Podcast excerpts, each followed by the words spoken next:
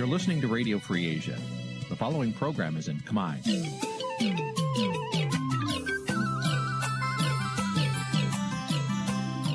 នេះជាកម្មវិធីផ្សាយ Vuthu Azizi Serai នេះជាកម្មវិធីផ្សាយរបស់ Vuthu Azizi Serai ជាភាសាខ្មែរ Vuthu Azizi Serai សូមស្វាគមន៍លោកអ្នកនាងទាំងអស់ពីរដ្ឋធានី Washington នៃសហរដ្ឋអាមេរិក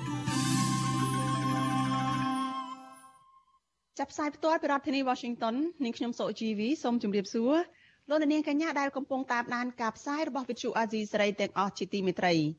ចាយើងខ្ញុំសូមជូនកម្មវិធីផ្សាយសម្រាប់យប់ថ្ងៃអាទិត្យចាប់8កើតខែវិសាខឆ្នាំខាលចត្វាស័កពុរសករាជ2565ចាប់ត្រូវនៅថ្ងៃទី8ខែឧសភា គ្រិស្តសករាជ2022ចាជាដំបូងនេះសូមអញ្ជើញលោកអ្នកនាង ស្ដាប់ព័ត៌មានប្រចាំថ្ងៃដែលមានមេត្តាដូចតទៅ thank you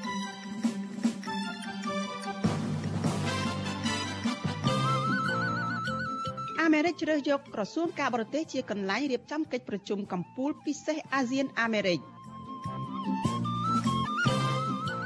លោកសំរងស៊ីជួបពលរដ្ឋខ្មែរនៅទីក្រុង Brisbane នៃប្រទេសអូស្ត្រាលីអ្នកជំនាញការបោះឆ្នោតថាកើតការបង្កើតរចនាសម្ព័ន្ធគណៈបកប្រជាជនកម្ពុជានៅតាមស្ថាប័នរដ្ឋគឺជាការបំពានច្បាប់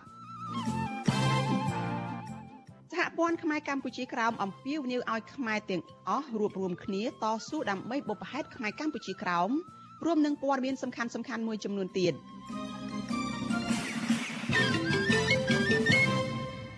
ចាជាបន្តទៅទៀតនេះនាងខ្ញុំសុជីវីសូមជូនព័ត៌មានទៅនេះពិស្ដាចលនានាងជាទីមេត្រីប្រធានស្ដីទីគណៈបកសង្គ្រោះជាតិគឺលោកសំរងស៊ីនៅថ្ងៃទី8ខែឧសភា បានជួបសំណេះសំណាលជាមួយព្រះសង្ឃនិងប្រជាពលរដ្ឋខ្មែរនៅទីក្រុង Brisbane នៃប្រទេសអូស្ត្រាលីដើម្បីជជែកពីបញ្ហានយោបាយនៅកម្ពុជាចាអ្នកគាំទ្រនិងអ្នកឃ្លាំមើលជឿថាដំណើរទស្សនកិច្ចនេះនឹងជំរុញឲ្យមានដំណោះស្រាយនយោបាយនៅកម្ពុជាចាលោកថាថៃរាយការណ៍ព័ត៌មាននេះពីប្រទេសអូស្ត្រាលីថ្ងៃទី2នៃដំណើរទស្សនកិច្ចក្នុងប្រទេសអូស្ត្រាលីលោកសំរងស៊ីបានទៅជួបប្រជាពលរដ្ឋដែលគាំទ្រលោកប្រមាណ100នាក់នៅសួនសាធារណៈមួយ ក្នុងទីក្រុង Brisbane រដ្ឋ Queensland នៃប្រទេសអូស្ត្រាលីប្រជាពលរដ្ឋនាំគ្នាឈរតម្រង់ជួរទទួលស្វាគមន៍លោកបន្ទាប់មកទើបចាប់ផ្ដើមកម្មវិធីសំណេះសំណាលគ្នាអំពីបញ្ហានយោបាយនិងរឿងរ៉ាវប្រទេសជាតិពិធីសំណេះសំណាលជាមួយប្រជាពលរដ្ឋនោះលោកសំរងស៊ីមានប្រសាសន៍ថាលោកនៅតែរក្សាគោលជំហរ នៅឧត្តមគតិជាមួយគណៈបកសង្គ្រោះជាតិដដែល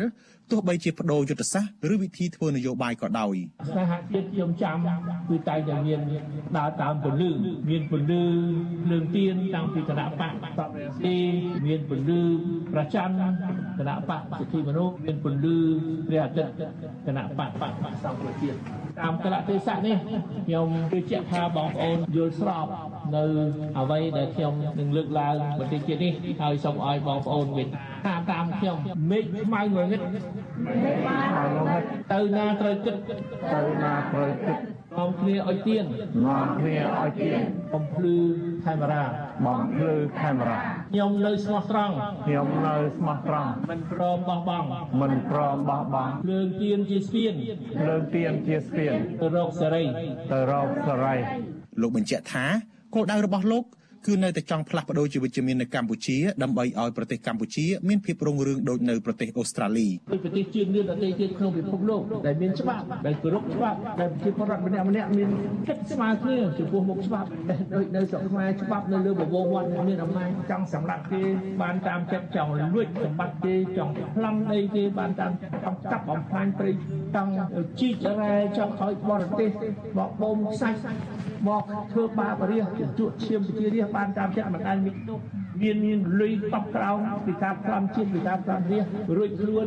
តែរាជនៅរហេមរហាមជាមួយគ្នានេះប្រសង់មួយអង្គដែលជឿឆ្អាលបញ្ហាសង្គមធនធានធម្មជាតិនិងនយោបាយគឺប្រដេចប្រគុណសឹមសវណ្ណឌីដែលទៅភៀសប្រកាយមកគង់នៅប្រទេសអូស្ត្រាលីមានធរណីការក្នុងកម្មវិធីសំណេះសំណាលនេះថាតាំងពីដើមមកលោកសំរងស៊ីគឺជាអ្នកនយោបាយដែលមានវីរភាពអង្អាចក្លាហាននិងធ្វើនយោបាយដើម្បីប្រទេសជាតិប្រជាពលរដ្ឋនិងប្រជាធិបតេយ្យពិតប្រាកដ ក្រៅពីកោតសរសើរលោកសំរងស៊ីហើយនោះព្រះអង្គក៏រិះគន់ធ្ងន់ធ្ងរទៅលើរដ្ឋាភិបាលលោកហ៊ុនសែនថាជារបបប៉ុលពតទី2 ដែលយាយីនឹងធ្វើទុកបុកម្នេញលើប្រជាពលរដ្ឋស្លូតត្រង់ដោយគ្មានក្តីមេត្តាការនៅប្រទេសកម្ពុជាទុកលំបាកវេទនាមែនតើញោមអត់មានសិទ្ធិសេរីភាពទេកុំជឿថានៅទីក្រុងភ្នំពេញអភិវឌ្ឍជឿនលឿនអស់ទេទៅមើលទៅដីធ្លីបឹងកោះដីធ្លីរៃណាបឹងបួលុកអស់ហើយញោមហ៊ុនសែនក៏ថាងើបមួយវាយមួយងើបពីរវាយពីរទ្រឹស្ដីរបស់គាត់បច្ចការណាស់ញោមបច្ចការមែនតើណាម្លាប់មនុស្សស្រស់ស្រស់ហើយសូម្បីតែដិតកែមលៃឃើញទេញោមបាញ់ស្រស់ស្រស់ តំណាងគណៈបកសង្គ្រោះជាតិប្រចាំទីក្រុង Brisbane លោកគៀតថារីមានប្រសាសន៍ថាដំណើរទស្សនកិច្ចរបស់លោកសំរងស៊ីនៅប្រទេសអូស្ត្រាលីដើម្បីជួបពលរដ្ឋខ្មែរនិងអ្នកនយោបាយអូស្ត្រាលីនេះគឺមានសារៈសំខាន់បំផុត។ លោកថាសហគមន៍ខ្មែរនៅអូស្ត្រាលីរំពឹងថារដ្ឋាភិបាលអូស្ត្រាលីនឹងមានវិធានការលើរបបក្រុងភ្នំពេញដោយដែលសភាសហភាពអឺរ៉ុបនិងសហរដ្ឋអាមេរិកកំពុងដាក់សម្ពាធកាន់តែខ្លាំងលើរបបលោកហ៊ុនសែនដើម្បីឲ្យស្ដារលទ្ធិប្រជាធិបតេយ្យនិងការគោរពសិទ្ធិមនុស្សឡើងវិញយើងចង់ជំរុញបន្ថែមទៀតដើម្បីឲ្យរដ្ឋាភិបាលអូស្ត្រាលីនឹងដាក់សម្ពាធទៅលើលោកហ៊ុនសែនដើម្បីគោរពនៅធិបតេយ្យប្រកាសកុំឲ្យប្រជាធិបតេយ្យតែបបោមាត់បានប្រាប់ទៅគាត់រំលោភបំពានទៅលើសិទ្ធិពលរដ្ឋជារៀងរាល់ថ្ងៃ នៅមុននេះមួយថ្ងៃប្រធានស្ដីទីគណៈបកសង្គ្រោះជាតិក៏បានជួបជាមួយប្រជាពលរដ្ឋខ្មែរនិងតំណាងរាស្ត្រអូស្ត្រាលីមកពីគណៈបកពលករនៅទីក្រុងស៊ីដនីផងដែរឆ្លើយតបបញ្ហានេះអ្នកនាំពាក្យគណៈបកប្រជាជនកម្ពុជាលោកសុកអេសានថ្លែងថាលោកមិនចាប់អារម្មណ៍ចំពោះបេសកកម្មរបស់លោកសំរងស៊ីនោះទេហើយលោកជឿថាគ្មានឥទ្ធិពលអ្វីលើកម្ពុជាឡើយ ចំពោះតនដិតមេទៀមក្រៅច្បាប់ទៅណាក៏ដោយទៅបារាំងក៏ដោយទៅអាមេរិកក៏ដោយទៅអូស្ត្រាលីក៏ដោយខ្ញុំមិនយកចិត្តទុកដាក់ទេចង់ធ្វើអីធ្វើទៅវាអត់មានប្រយោជន៍ប៉ះពាល់ដល់ប្រកម្ពុជាទេផ្ទុយពីការលើកឡើងនេះសមាជិកក្រុមប្រឹក្សាឃ្លាំមើលកម្ពុជាលោករងឈុនថ្លែងថាដំណើរទស្សនកិច្ចរបស់លោកសំរងស៊ីទៅបណ្ដាប្រទេសនានានិងជួបអ្នកគាំទ្ររបស់លោកនេះគឺជាការស្វែងរកការគាំទ្រពីសហគមន៍អន្តរជាតិនិងពលរដ្ឋខ្មែរនៅក្រៅស្រុក លោកជឿថាការដែលលោកសំរងស៊ីជួបជាមួយសមាជិកសភាអូស្ត្រាលីនេះនឹងជំរុញឲ្យមានដំណោះស្រាយនយោបាយនៅកម្ពុជា ព្រោះប្រទេសអូស្ត្រាលីធ្លាប់ដើរតួនាទីសំខាន់ក្នុងការផ្ដួចផ្ដើមឲ្យមានកិច្ចព្រមព្រៀងសន្តិភាពទីក្រុងប៉ារីសរដ្ឋាភិបាលអូស្ត្រាលីមិនខុសពីសហភាពអឺរ៉ុបទេពីព្រោះអូស្ត្រាលីក៏ជាប្រទេសម្ចាស់ហត្ថលេខីក្នុងការស្វែងរកសន្តិភាពសម្រាប់កម្ពុជាដែរដែលបានចូលរួមចុះហត្ថលេខីទៅលើកិច្ចព្រមព្រៀងក្រុងប៉ារីសស្ដីពីបញ្ហាកម្ពុជាផងដែរដូច្នេះគេនៅតែយកចិត្តទុកដាក់អំពីការគោរពសិទ្ធិមនុស្សនិងលទ្ធិប្រជាធិបតេយ្យហើយគេចង់ឃើញកម្ពុជាមានការគោរពសិទ្ធិមនុស្សនិងលទ្ធិប្រជាធិបតេយ្យជាពិសេសពេលបោះឆ្នោតនៅឆ្នាំ2022ក៏ដូចជា2023នេះគេចង់ឃើញដំណើរការការបោះឆ្នោតសេរីត្រឹមត្រូវយុត្តិធម៌ដែលអាចជឿទុកចិត្តបានបាទក្រោយបញ្ចប់ទស្សនកិច្ចនៅទីក្រុង Brisbane រដ្ឋ Queensland លោកសំរងស៊ីនឹងបន្តទៅប្រទេស New Zealand ទីក្រុង Wellington និងទីក្រុង Auckland មេបកប្រឆាំងរូបនេះនឹងវិលត្រឡប់ទៅថ្វាយបង្គំព្រះសង្ឃនិងសួរសុខទុក្ខប្រជាពលរដ្ឋខ្មែរនៅទីក្រុង Adelaide និងទីក្រុង Melbourne ប្រទេសអូស្ត្រាលី លោកក៏នឹងមានជំនួបជាមួយអ្នកមុខអ្នកការនៅប្រទេសអូស្ត្រាលីជាច្រើនរូបផ្សេងទៀតផងដែរ។លោកមានគម្រោងបញ្ចប់ដំណើរទស្សនកិច្ចដោយចាក់ចេញពីប្រទេសអូស្ត្រាលីនៅថ្ងៃទី16ខែឧសភាខាងមុខខ្ញុំថាថៃពីទីក្រុងមែលប៊នចាលោកនាងកញ្ញាជាទីមេត្រីចាព័ត៌មានតកតនឹងកិច្ចប្រជុំកម្ពុជាពិសេសអាមេរិកអាស៊ានអាមេរិកឯនេះវិញចាសហ រដ្ឋអាមេរិកជ្រើសរើសយកក្រសួងការបរទេសនៅរដ្ឋធានី Washington គឺជាកន្លែងរៀបចំកិច្ចប្រជុំកម្ពុជាពិសេសអាស៊ានអាមេរិកលើកទី2ចាស់កិច្ចប្រជុំកម្ពុជាពិសេសនេះនឹងប្រព្រឹត្តទៅនៅថ្ងៃប្រហ័សទី12ដល់ថ្ងៃទី13ខែឧសភានៅក្នុងសប្តាហ៍នេះចាអ្នកនាំពាក្យសេតវិមានប្រធានាធិបតីអាមេរិកចាដែលនឹងលាឈប់ពីតំណែងនៅថ្ងៃទី13ខែឧសភាគឺអ្នកស្រី Jen Psaki អ្នកស្រីថ្លែងប្រាប់អ្នកសារព័ត៌មានក្រៅផ្លូវការ នៅក្នុងពេលកំពុងធ្វើដំណើរតាមយន្តហោះពិសេសរបស់ប្រធានាធិបតីគឺរបស់ប្រធានាធិបតីអាមេរិក Air Force One កាលពីថ្ងៃសុក្រទី6ខែឧសភាថាកិច្ចប្រជុំកំពូលពិសេសអាស៊ានអាមេរិកនឹងប្រព្រឹត្តទៅនៅឯទីស្តីការក្រសួងការបរទេសអាមេរិកក្នុងរដ្ឋធានី Washington ទោះយ៉ាងណាអ្នកស្រីថាប្រធានាធិបតីអាមេរិកនឹងរៀបចំពិធីទទួលទានអាហារពេលល្ងាចជាមួយនឹងក្រុមមេដឹកនាំអាស៊ាននៅក្នុងសេតវិមានប្រធានាធិបតីអាមេរិកគឺ White House ចាអ្នកនាំពាក្យរូបនេះថ្លែងនៅក្នុងសម្ដីដើមថាសម្ដីដើមនៅថ្ងៃនៅថ្ងៃប្រហ័សចាគឺថ្ងៃទី12ខែឧសភាលោកប្រធានាធិបតីនឹងស្វាគមន៍ក្រុមមេដឹកនាំសហគមន៍ប្រជាជាតិអាស៊ីអាគ្នេយ៍ឬអាស៊ាននៅក្នុងពិធីទទួលទានអាហារពេលល្ងាចមួយនៅក្នុងសេតវិមានចាអ្នកស្រីបន្តថា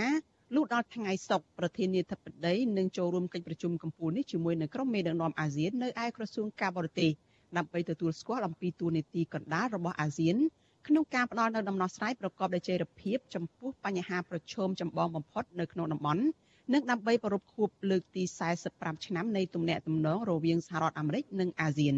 ចាការប្រកាសរៀបចំកិច្ចប្រជុំកំពូលពិសេសនេះនៅឯទីស្តីការក្រសួងការបរទេសអាមេរិកដែលមិនមែននៅក្នុងសេតវិមានប្រធានាធិបតីអាមេរិកនេះគឺខុសពីការរំពឹងចង់បានរបស់ក្រុមមេដឹកនាំអាស៊ានមួយចំនួនជាពិសេសគឺលោកនាយរដ្ឋមន្ត្រីហ៊ុនសែនដែលចង់ឃើញកិច្ចប្រជុំកំពូលពិសេសនេះ រៀបចំនៅក្នុងសេតវិមានប្រធានាធិបតីអាមេរិក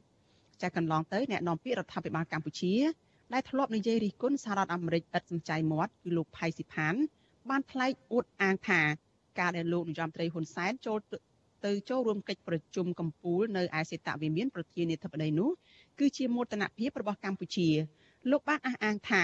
លោកនាយរដ្ឋមន្ត្រីហ៊ុនសែនគឺជាមេដឹកនាំទី1របស់កម្ពុជា ចាប់តាំងពីក្រោយកម្ពុជាទទួលបានឯករាជ្យនៅក្នុងឆ្នាំ1953ដែលត្រូវបានសហរដ្ឋអាមេរិកអញ្ជើញឲ្យទៅចូលរួមកិច្ចប្រជុំនៅឯសេតវិមានប្រធានាធិបតីអាមេរិកតែក្រុមអ្នកវិភាគនិងអ្នកជំនាញកិច្ចការអន្តរជាតិពន្យល់ថាបើគុំតែសមាគមអាស៊ាន លោកយមត្រីហ៊ុនសែនដែលពូកែខាងរំលាយប្រជាធិបតេយ្យនិងរំលោភសិទ្ធិមនុស្សទំនងជាគ្មានឱកាសត្រូវបានសហរដ្ឋអាមេរិកអញ្ជើញមកកាន់រដ្ឋធានី Washington ជួបជាមួយនឹងប្រធានាធិបតីអាមេរិកជាលក្ខណៈទ្វេភាគីនោះឡើយជាអ្នកជំនាញច្បាប់និងវិទ្យាសាស្ត្រនយោបាយអន្តរជាតិគឺកញ្ញាសេងធីរីហើយការសម្រេចរបស់អាមេរិកក្នុងការដែលមិនជ្រើសរើសយកទីតាំងសេតវិមានប្រធានាធិបតីដើម្បីរៀបចំកិច្ចប្រជុំកំពូលពិសេសនេះគឺជាគឺជាព័ត៌មានល្អ ចាដែលពីមុនចង់រៀបចំកិច្ចប្រជុំកម្ពុជានេះនៅសេតវិមានប្រធានាធិបតីអញ្ចឹងពួកខ្ញុំរីករាយដែលសហរដ្ឋអាមេរិកបានជៀសវាងធ្វើកិច្ចប្រជុំកម្ពុជាពិសេសនេះក្រៅពីជៀសវាងសេដ្ឋកិច្ចមានវាព័ត៌មានល្អ ពីព្រោះគ្រាន់តែមានប្រជុំនៅ Washington DC ជាការផ្ដល់តម្លៃខ្ពស់ហើយកិត្តិយសខ្ពស់ស្រាប់ហើយសម្រាប់អ្នកចូលរួមហើយខ្ញុំដឹងថាអាមេរិកកំពុងវាយតម្លៃខ្ពស់ទៅលើកិច្ចប្រជុំកម្ពុជាពិសេសនេះដែលរៀបចំបានលើកទី2តែម្ដងអឺមានន័យថាអាមេរិកគេវាយតម្លៃខ្ពស់នៅក្នុងការចងក្រងមិត្តភាពអឺដៃគូជាមួយ អាស៊ានឲ្យរឹងមាំជាយុទ្ធសាស្ត្រតែម្ដង strategic partnership ចាវិទ្យុអាស៊ីសេរីបានព្យាយាមតាក់ទងសុំការពន្យល់បន្ថែមពីការិយាល័យកិច្ចការអាស៊ីបូព៌ានិងប៉ាស៊ីហ្វិករបស់ក្រសួងការបរទេសអាមេរិកដើម្បីចង់ដឹងលម្អិតថាតើនឹងមានជំនួបដាច់ដោយឡែកទ្វេភាគីណាមួយរវាងប្រធានាធិបតីអាមេរិកនិងលោកនាយរដ្ឋមន្ត្រីហ៊ុនសែនដែរឬទេចាក្រៅពីកិច្ចប្រជុំកំពូលពិសេសនេះចាក៏ប៉ុន្តែនៅបន្ទាប់ចាសូមអធិស្ឋាន ក៏ប៉ុន្តែនៅមិនទាន់ទទួលបានការឆ្លើយតបនៅឡើយទេគិតត្រឹមថ្ងៃទី8ខែឧសភានេះចាទោះយ៉ាងណាបើតាមទីភ្នាក់ងារសារព័ត៌មានអង់គ្លេស Reuters ផ្សាយកាលពីថ្ងៃទី6ខែឧសភារដ្ឋមន្ត្រីប្រតិភូអមរដ្ឋមន្ត្រីគឺលោកកៅកំហួនបញ្ជាក់ថាពុំមានកិច្ចប្រជុំដាច់ដライណាមួយឡើយដែលត្រូវនឹងគ្រោងធ្វើឡើងរវាងក្រុមមេដឹកនាំអាស៊ាននិងប្រធានាធិបតីអាមេរិកឡើយក្រៅពីការរៀបចំកិច្ចប្រជុំនេះនៅថ្ងៃទី12និងថ្ងៃទី13ខែឧសភា ចាលោកកៅគុំហ៊ុនចង់ឃើញសហរដ្ឋអាមេរិករៀបចំកិច្ចប្រជុំដាច់ដោយឡែកមួយជាមួយប្រធានបដូវវេនអាស៊ានគឺលោកនាយរដ្ឋមន្ត្រីហ៊ុនសែនក៏ប៉ុន្តែលោកថាឯកអគ្គរដ្ឋទូតអាមេរិកប្រចាំនៅកម្ពុជា បានប្រាប់លោកថានឹងមិនមានការរៀបចំដូចនេះឡើយដោយសារតែកិច្ចប្រជុំកម្ពុជាពិសេសនេះមានរយៈពេលយូរនិងថាលោកប្រធានាធិបតីโจ Biden មានភាពមមាញឹកនៅក្នុងការងាររបស់លោក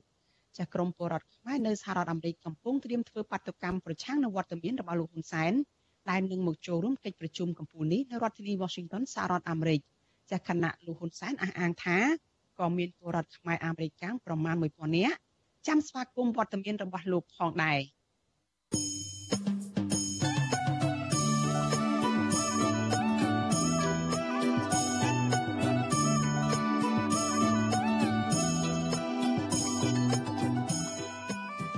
លោកនាងកញ្ញាជាទីមេត្រីចានៅក្នុងឱកាសនេះដែរចានាងខ្ញុំសូមថ្លែងអំណរគុណដល់លោកអ្នកនាងចាដែលតែងតែមានភក្ដីភាពចំពោះការផ្សាយរបស់វិទ្យុអាស៊ីសេរី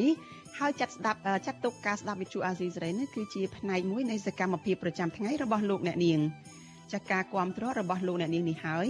ដែលធ្វើឲ្យយើងខ្ញុំមានទឹកចិត្តកាន់តែខ្លាំងថែមទៀតក្នុងការស្វែងរកព័ត៌មាននិងផ្តល់ព័ត៌មានពិតជូនលោកអ្នកនាងចាមានអ្នកស្ដាប់មានអ្នកទស្សនាកាន់តែច្រើនកាន់តែធ្វើឲ្យយើងខ្ញុំមានភាពស្វាហាប់ មោះមុតជាបន្តទៅទៀតចាយើងខ្ញុំសូមអរគុណទុកជាមុនហើយសូមអញ្ជើញលោកអ្នកនាងកញ្ញាចូលរួមជំរុញឲ្យសកម្មភាពផ្សព្វផ្សាយព័ត៌មានរបស់យើងនេះគឺកាន់តែធុបជ័យបន្ថែមទៀតចាលោកនាងអាចជួយយើងខ្ញុំបានដោយគ្រាន់តែចុចចែករំលែកឬក៏ share ការផ្សាយរបស់យើងនៅលើបណ្ដាញសង្គម Facebook និង YouTube ទៅកាន់មិត្តភ័ក្តិរបស់លោកអ្នកនាងចាដើម្បីឲ្យការផ្សាយរបស់យើងនេះបានទៅដល់មនុស្សកាន់តែច្រើន។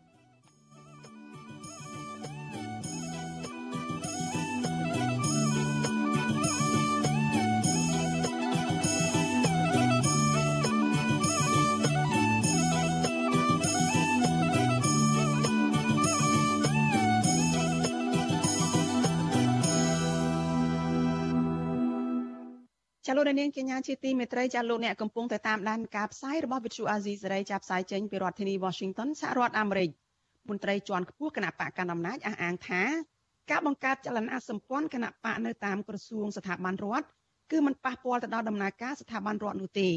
ពីព្រោះសកម្មភាពទាំងនោះจะធ្វើឡើងនៅក្រៅម៉ោងធ្វើការចាប់ប៉ុន្តែមន្ត្រីសង្គមស៊ីវិលនិងគណៈបកនយោបាយចាត់ទុកទង្វើនេះថាជាការរំលោភបំពានច្បាប់យ៉ាងធ្ងន់ធ្ងរ ដើម្បីកេងចំណេញផ្នែកនយោបាយនិងប៉ះពាល់ធ្ងន់ធ្ងរទៅដល់គោលការណ៍ប្រជាធិបតេយ្យនិងដំណើរការប្រកួតប្រជែងដោយស្មើភាពគ្នាចាលោកនាងនៅបានស្ដាប់សេចក្តីរាយការណ៍នេះនៅក្នុងការផ្សាយរបស់យើងនៅពេលបន្តិចទៀតនេះចាលោកនាងជាទីមេត្រីចាព័ត៌មានតកតងនឹងសហគមន៍ខ្មែរកម្ពុជាក្រោមឯនេះវិញចាសហព័ន្ធខ្មែរកម្ពុជាក្រោមចាបានបញ្ចប់ថ្ងៃទី2នៃមហាសន្និបាតលើកទី11 ដែលមានរយៈពេល3ថ្ងៃដោយចាប់ផ្ដើមកាលពីថ្ងៃទី6ដល់ថ្ងៃទី8ខែឧសភាចាតំណាងពលរដ្ឋខ្មែរក្រោមនិងអង្គការនិងអង្គការប្រទេសនិងពលរដ្ឋគ្មានតំណាងដែលហៅកាត់ថា UNPO និងវាគ្មិនប្រមាណ100នាក់បានជជែកគ្នាអំពីស្ថានភាពសិទ្ធិមនុស្សនៅកម្ពុជាក្រោមនិងយុទ្ធសាស្ត្រដើម្បីស្វែងរកសិទ្ធិស្វ័យសម្រេចដោយខ្លួនឯងទៅថ្ងៃអនាគតចាមហាសន្និបាតលើកទី11នេះ ក៏បានបោះឆ្នោតជ្រើសរើសសមាជិកគណៈកម្មការនិងនាយកប្រតិបត្តិសហព័ន្ធថ្មីដែរចាប់ពីទីក្រុង Philadelphia រដ្ឋ Pennsylvania ចាលោកយុនសាមៀនរាយការណ៍ជុំវិញព័ត៌មាននេះប្រធានសហព័ន្ធខ្មែរកម្ពុជាក្រោមដែលទើបជាប់ឆ្នោតសម្រាប់រយៈពេល4ឆ្នាំទៀតគឺលោកប្រាក់សេរីវុឌ្ឍសំណូមពរឲ្យខ្មែរទាំងអស់រួមគ្នាតស៊ូដើម្បីបុព្វហេតុខ្មែរកម្ពុជាក្រោមលោកប្រាក់សេរីវុឌ្ឍប្រាប់វិទ្យុអាស៊ីសេរីថាសហព័ន្ធ និងបង្កើតយុទ្ធសាស្ត្រថ្មីសម្រាប់ពង្រឹងសមត្ថភាពនិងការងាររបស់សហព័ន្ធខ្មែរក្រោមលោកប្រាក់សេរីវុឌ្ឍបន្តថាសហព័ន្ធក៏នឹងធ្វើសកម្មភាពការទូតនិងប្រទេសដែលបានសម្រេចជោគជ័យក្នុងការទាមទារសិទ្ធិស្វ័យសម្រេចដោយខ្លួនឯងដើម្បីយកបទពិសោធន៍ពីប្រទេសទាំងនោះក្នុងការទាមទារសិទ្ធិស្វ័យសម្រេចដោយខ្លួនឯងសម្រាប់ពលរដ្ឋខ្មែរក្រោម។ ការយល់ដឹងរបស់បងប្អូនយើងនៅកម្ពុជាក្រោមកាន់តែយល់ច្រើនឡើងមានចិត្តក្លាហានហ៊ានងើបតស៊ូដោយសន្តិវិធីនោះនឹងជារឿងទី1ហើយរឿងទី2ស្ថានភាពអន្តរជាតិដែលជួនកាលវាអាចមានកំសួលខ្លះវាធ្វើឲ្យបានផលប្រយោជន៍ដល់យើងដែរតាក់ទងនឹងតំបន់ភូមិភាគយើងនោះចឹងនេះយើងក៏ត្រៀមខ្លួនក្នុងចាំឱកាសទៅបាទលោកប្រាក់សេរីវុឌ្ឍក៏អំពាវនាវឲ្យពលរដ្ឋខ្មែរក្រោមទូទាំងពិភពលោកចូលរួមចលនារបស់សហព័ន្ធ ដើម្បីសម្រេចយុទ្ធសាស្ត្រសហព័ន្ធទៅថ្ងៃអនាគតខ្ញុំសូមអំពាវនាវសូមឲ្យបងប្អូនខ្មែរក្រោមយើងទាំងអស់និងបងប្អូនប្រជាពលរដ្ឋខ្មែរនៅប្រទេសកម្ពុជាដីអ្នកមកពីខ្លួននៅប្រទេសក្រៅនេះសូមមេត្តាជួយគ្រប់គ្រងសហព័ន្ធខ្មែរកម្ពុជាក្រោមផងនេះជាអង្គការមួយដែលអន្តរជាតិគេទទួលស្គាល់ហើយតំណាងឲ្យមតិរបស់បងប្អូននៅខ្មែរក្រោមនៅនៅទឹកដីដែនដីសណ្ដោទន្លេមេគង្គ សហព័ន្ធខ្មែរកម្ពុជាក្រោមដែលមានមូលដ្ឋាននៅសហរដ្ឋអាមេរិកជាអង្គការធ្វើចលនាតស៊ូមតិដោយអហិង្សាលើឆាកអន្តរជាតិដើម្បីតស៊ូទាមទារឲ្យរដ្ឋាភិបាលវៀតណាមគោរពសិទ្ធិមនុស្សសិទ្ធិរស់នៅដោយសវត្ថិភាពសិទ្ធិរក្សាសាសនាវប្បធម៌ទំនៀមទម្លាប់ប្រពៃណីនិងសិទ្ធិសម្រេចវាសនាដោយខ្លួនឯងរបស់ពលរដ្ឋខ្មែរក្រោមដែលជាជនជាតិដើមនៅលើដែនដីកម្ពុជាក្រោម។ សហព័ន្ធខ្មែរកម្ពុជាក្រោមត្រូវបានមហាសន្និបាតលើកទី5នៃខ្មែរកម្ពុជាក្រោមពិភពលោកបង្កើតឡើងកាលពីថ្ងៃទី4ខែសីហាឆ្នាំ1996ខ្ញុំបាទយុនសាមៀនវិទ្យុអាស៊ីសេរីរាយការណ៍ពីទីក្រុង Philadelphia រដ្ឋ Pennsylvania ចាលោកនាងកញ្ញាជាទីមេត្រីចាតតតងនឹងរឿងរ៉ាវរបស់ខ្មែរកម្ពុជាក្រោមនេះដែរ ចាចលនាយុវជនសហព័ន្ធខ្មែរកម្ពុជាក្រោមកំពុងដើរតួនាទីយ៉ាងសំខាន់ដើម្បីជំរុញឲ្យយុវជនខ្មែរកម្ពុជាក្រោមចាហ៊ានងើបឡើងទាមទារសិទ្ធិស្វ័យសម្រេចដោយខ្លួនឯងនៅឯស្រុកកំណើតចាស់ចលនានេះធ្វើសកម្មភាពនៅក្រៅប្រទេសផងដែរដើម្បីជួយការពារសិទ្ធិយុវជនខ្មែរកម្ពុជាក្រោមមិនឲ្យរងការធ្វើទុកបុកម្នេញពីសំណាក់អាជ្ញាធរនៃរដ្ឋាភិបាលវៀតណាមដែរចតាចលនាយុវជនសហព័ន្ធខ្មែរកម្ពុជាក្រោម ទទួលបានលទ្ធផលអ្វីខ្លះនាពេលកន្លងមកនេះចាសសូមអញ្ជើញលោកអ្នកនាងរងចាំស្ដាប់បទសម្ភាសន៍របស់លោកជុនច័ន្ទបុត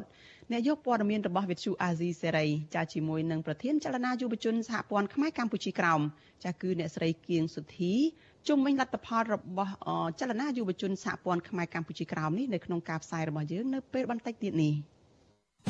អាស៊ីសេរី ចលនានាងកញ្ញាជាទីមេត្រីចាព័ត៌មានដាច់ដោយឡែកមួយទៀតចាតកតងនឹងពលករខ្មែរឯនេះវិញចាពលករខ្មែរដែលជាអ្នកគ្រប់គ្រងគណៈបកសង្គ្រោះជាតិគឺលោកឃ្លាំងសរិន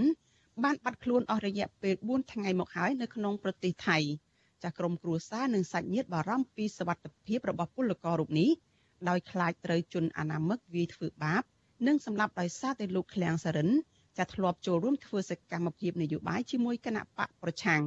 ចាប់ប្រពន្ធរបស់លោកឃ្លាំងសារិនចាគឺលោកស្រីហួននួនប្រាប់វិទ្យុអាស៊ីសេរីនៅថ្ងៃទី8ខែឧសភាថាមុនពេលដែលប្តីខ្លួនរបស់លោកស្រីបាត់ខ្លួនចានៅមុនពេលដែលប្តីរបស់លោកស្រីបាត់ខ្លួនលោកស្រីលោកស្រីបានបញ្ចេញអារម្មណ៍រវើរវាយនិងមានការភ័យខ្លាចថាគេតាមវាយធ្វើបាបនិងបាញ់សម្លាប់គាត់ ចាលោកស្រីបន្តថាក្រោយមកទៀតលោកក៏លោកស្រីក៏បានដឹកប្តីរបស់លោកស្រីទៅឲ្យគ្រូខ្មែរនៅក្នុងភូមិមួយនៅខេត្តត្រាតនៅក្នុងប្រទេសថៃទាំងកណ្ដាលយប់កាលពីថ្ងៃទី5ខែឧសភាចាស់នៅពេលដែលទៅដល់ផ្ទះគ្រូខ្មែរនោះលោកស្រីថាប្តីរបស់លោកស្រីក៏ស្ទុះរត់ចេញពីផ្ទះគ្រូខ្មែរនោះរត់ចូលទៅក្នុងព្រៃហើយសាច់ញាតិក៏បានព្យាយាមទៅតាមរកលោកឃ្លាំងសរិនដែរប៉ុន្តែនៅតែរកមិនឃើញនៅឡើយ។ អញ្ចឹងហើយខ្ញុំឃើញគាត់ភ័យភ័យខ្ញុំយកគាត់ទៅរកគ្រូក៏គ្រូមើលរកគ្រូឆោចទឹកដល់ពេលគ្រូគេមិនទាន់បានឆោចទឹកឲ្យហ្នឹងគេពងរៀបថាឆោចទឹកឲ្យឆាបាប្តីខ្ញុំរត់ចេញបរោយរត់ចេញពីផ្ទះគ្រូតាមខ្នល់ប្រហែលជារត់ទៅដល់100ម៉ែត្រទេក៏មានផ្លូវបាត់មានផ្លូវកាច់ជ្រុងមានព្រៃក៏ហត់ចូលបាត់ទៅបាត់ឡើងហ្នឹងហ្មងមើលអត់តាន់ខ្ញុំឆែកថាកុំឲ្យទៅឲ្យមកនេះវិញមកមកផ្ទះវិញកុំឲ្យទៅអញ្ចឹងថាមកផ្ទះវិញមកថាអត់មកទេទៅហើយទៅហើយស្រាប់តែទៅបាត់ហ្មងចាលោកស្រីហនួនបន្តថាក្រៅពីបាត់ខ្លួនប្តីជិតមួយសប្តាហ៍មកនេះចាក្រុមគ្រួសារនិងសាច់ញាតិបានដាក់ពាក្យប្តឹងដល់អាជ្ញាធរថៃនិងស្ថានទូតខ្មែរប្រចាំនៅប្រទេសថៃដែរ ប៉ុន្តែរហូតមកដល់ពេលនេះស្ថាប័នទាំងនោះនៅមិនបានអើពើជួយតាមដានរោគប្តីរបស់លោកស្រីនោះនៅឡើយចាវិទ្យុអស៊ីសេរីក៏មិនអាចតាក់ទងស្ថានឯកអគ្គរដ្ឋទូតកម្ពុជាប្រចាំនៅក្នុងប្រទេសថៃដើម្បីសាកសួរពីការបាត់ខ្លួនលោកឃ្លាំងសរិននេះបានទេនៅថ្ងៃទី8ខែឧសភាដោយទូរស័ព្ទហៅចូលតែគ្មានអ្នកទទួលចាក្រុមគ្រួសារនិងសាច់ញាតិឲ្យដឹងថាកន្លងទៅលោកឃ្លាំងសរិនធ្លាប់បានចូលរួមធ្វើសកម្មភាពនយោបាយយ៉ាងសកម្មជាមួយនឹងគណៈបកសង្គ្រោះជាតិ ចាពួកគាត់ថាលោកឃ្លាំងសរិនអាចនឹងមានជនអនាមិកព្យាយាមគំរាមតាមសម្លាប់នៅក្នុងពេលដែលលោកបាត់បង់សតិស្មារតី thank you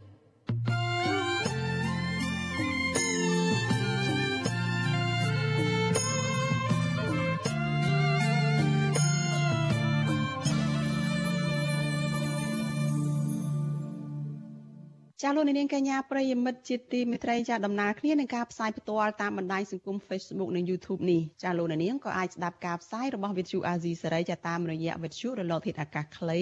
ចា SW តាមកម្រិតនិងកម្ពស់ដូចតទៅនេះ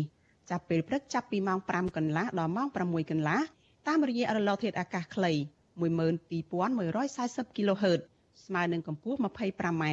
និង13715 kHz ស្មើនឹងកម្ពស់ 22m ចាប់ពេលយប់ចាប់ពីម៉ោង7កន្លះដល់ម៉ោង8កន្លះតាមរយៈរលកធាតុអាកាសខ្លី9960 kHz ស្មើនឹងកម្ពស់ 30m និង12140 kHz ស្មើនឹងកម្ពស់ 25m និង11885 kHz ស្មើនឹងកម្ពស់ 25m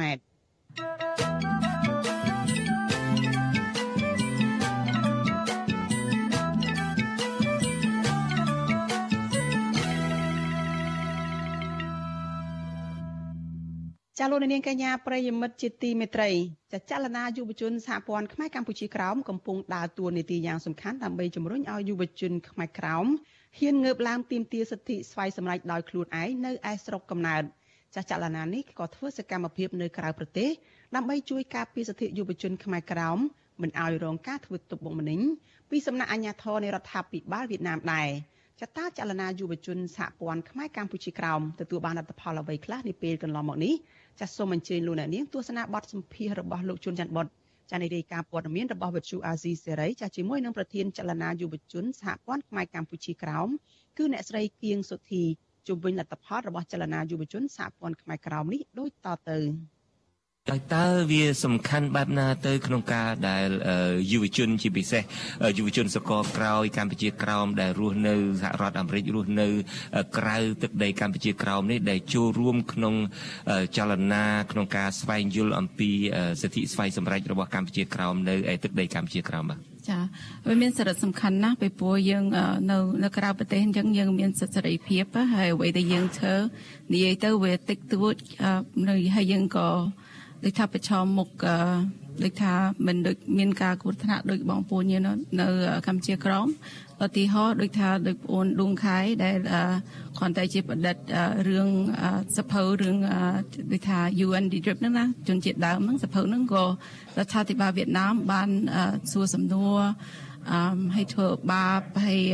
គាត់ទៅធ្វើអញ្ចឹងប៉ុន្តែនៅនៅក្រៅប្រទេសយើងដូចថាយើងមានសិទ្ធិច្រើនមែនតើហើយយើងមានឱកាសច្រើនមែនតើដូច្នេះហើយអ្វីដែលពួកខ្ញុំធ្វើនៅក្រៅប្រទេសហ្នឹងអឺ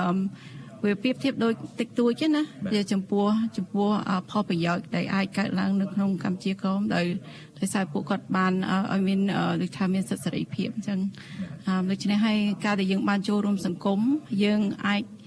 អឺដូចថាមានផលប្រយោជន៍ច្រើន ក្នុងខ្លួនឯងហើយនឹងប៉ះនឹងជួយសង្គមទៀតហ្នឹងហើយជួយជួយសង្គមនឹងមានន័យថាជួយទៅដល់សង្គមខ្មែរយើងរស់នៅក្នុងទឹកដីកម្ពុជាក្រោមឬមួយជួយសង្គមនឹងមានន័យបែបណាតែតាមរសោតរបស់ខ្ញុំនឹងវាយើងជឹងទៅពីរយ៉ាងទី1ការដែលខ្ញុំបានចូលរួមសហព័ន្ធហ្នឹងមុនដំបូងគឺថាខ្ញុំមិនដឹងភាសាខ្លួនឯងទេណាហើយការដែលខ្ញុំបានចូលដឹងខ្លួន ជាខ្មែរក្រមអញ្ចឹងខ្ញុំក៏បានចូលរួមជួបសហព័ន្ធហើយពេលនោះខ្ញុំមិនដឹងនិយាយថាថាបានអានបានរៀនភាសាខ្មែរខ្លះដែរប៉ុន្តែរឿងនិយាយគឺមិនសូវបានទេក៏ប៉ុន្តែទៅពេលចូលរួមទៅយើងតែងជួបបងប្អូនខ្មែរក្រមហើយគាត់និយាយតែភាសាខ្មែរហើយខ្ញុំក៏បាននិយាយភាសាខ្មែរហើយការដែលបានចូលរួមដឹងពីរឿងទុកលំបាករបស់អឺដោយប៉ាម៉ាក់ខ្ញុំហើយអ៊ំអ៊ំផ្សេងផ្សេងដែលធ្លាប់ជួបនៅកម្ពុជាក្រមហ្នឹង ក៏យើងមានឱកាសផ្ដល់សម្លេងឲ្យពួកគាត់អឺដូច្នេះហើយការដែលយើងបានចូលរួមធ្វើសកម្មភាពសហព័ន្ធហ្នឹងគឺថាខ្លួនយើងក៏យើងបោះពិសោធន៍យើងដឹងខ្លួនឯងជាអ្នកណាណាដូច្នេះហើយយុវជនយុវនារីទាំងអស់ដែលបានចូលរួមទី1អាចដឹងថាវត្តអារាមជាយើងយ៉ាងម៉េច you know បានស្គាល់ប្រសងស្គាល់អឺវប្បធម៌អាច ពីព្រោះវាតាមពិតវាមិនខុសគ្នាទេអ្វីដែលយើងប្រកាសនៅក្រៅប្រទេសហើយនៅក្នុងប្រទេសទេហើយដូច្នេះហើយយើងយើងហ៊ានដូចថាពីខ្លួនឯងជាអ្នកណាហើយទៅយើងក៏ហ៊ានដឹងពីរឿងបញ្ហារបស់បងប្អូននៅកម្ពុជាក្រមហើយពេលដែលយើងដឹងបញ្ហាហើយយើងមានឱកាសដើម្បីផ្ដល់អឺដូចថាផ្ដល់សម្លេងឲ្យពួកគាត់ក្នុងឆាកអន្តរជាតិបាទ ហើយតើយុវជនខ្មែរដែលរស់នៅជាពិសេសយុវជនខ្មែរក្រោមដែលរស់នៅសហរដ្ឋអាមេរិកនេះតើពួកគាត់ចាប់អារម្មណ៍ទេ ក្នុងការចូលរួមក្នុងសកម្មភាពឬមួយចលនារបស់សហព័ន្ធខ្មែរកម្ពុជាក្រោមនេះចាយើងជារៀងរាល់ឆ្នាំពេលយើងចូលអង្គការសហជីវជាតិយើងតែងតែមានក្រុមយុវជនមួយចំនួនដែលជួយខាងសរសេរអត្ថបទចូលរួមនៅដល់សម្លេងហ្នឹងហើយ ដូច្នេះហើយជាពិសេស Priscilla ដែលជាយុវជនមួយដែលរៀនខាងគេហៅថា International Study ហើយគ្នាដូចថាទើមដូចថាដឹងខ្លួនខ្លួនឯងជាអ្នកណាហើយទៅបានចូលរួមជាមួយសហព័ន្ធហ្នឹងដឹងខ្លួនសត្វតែដែលបានទៅបានចូលទៅអង្គការសហជីវជាតិហើយក៏បានជួយទៅខាងហ្នឹងដូច្នេះហើយយើងយើងជឿថាមានយុវជនច្រើនហើយខ្ញុំក៏នៅពេលយើងបានចូលរួមប្រជុំហ្នឹងយើងក៏ស្នើ ឲ្យអឺមីងមៀពូពូទាំងអស់គេថានាំកូនមកចូលរួមចូលវត្តចូលសហព័ន្ធដើម្បីឲ្យគ្នាដឹងថាអ្វីនៅក្នុងនៅក្រៅប្រទេសហ្នឹងយើងមានឱកាសច្រើនណាស់ដែលជួយឲ្យការងារដែលយើងធ្វើវាច្រើនណាហើយផលប្រយោជន៍ក៏វាច្រើនដែរបើយើងរួមដៃគ្នាជួយគ្នាចា ការថែរក្សាអត្តសញ្ញាណជាតិការថែរក្សាវប្បធម៌អក្សរសាស្ត្រខ្មែរនឹងគឺថាយ៉ាងណាក៏ដោយចុះខ្មែរកម្ពុជាក្រោមធ្វើត្បិតតែទៅរស់នៅក្រោមការគ្រប់គ្រងរបស់វៀតណាមនឹងអស់រយៈពេលច្រើនឆ្នាំហើយក៏ដោយចុះក៏នៅតែរក្សាបានដែរហើយមកដល់នេះនឹងគៀនសុធីនឹងក៏ព្យាយាមអូសទាញយុវជននឹងដើម្បីឲ្យមកជួយចូលរួមក្នុងចលនានឹងក្នុងសកម្មភាពនឹងហើយក៏បានចំណេញក្នុងការថែរក្សាអត្តសញ្ញាណថែរក្សាអក្សរសាស្ត្រដែរតើវាសំខាន់បែបណាទៅហើយអាចមើលទៅទៅថ្ងៃមុខទៅអាចនឹងរក្សានឹងបានតទៅទៀតទេឬមួយក៏ធ្វើចេះតែធ្វើទៅក៏ប៉ុន្តែតាមពិតនឹងការដែល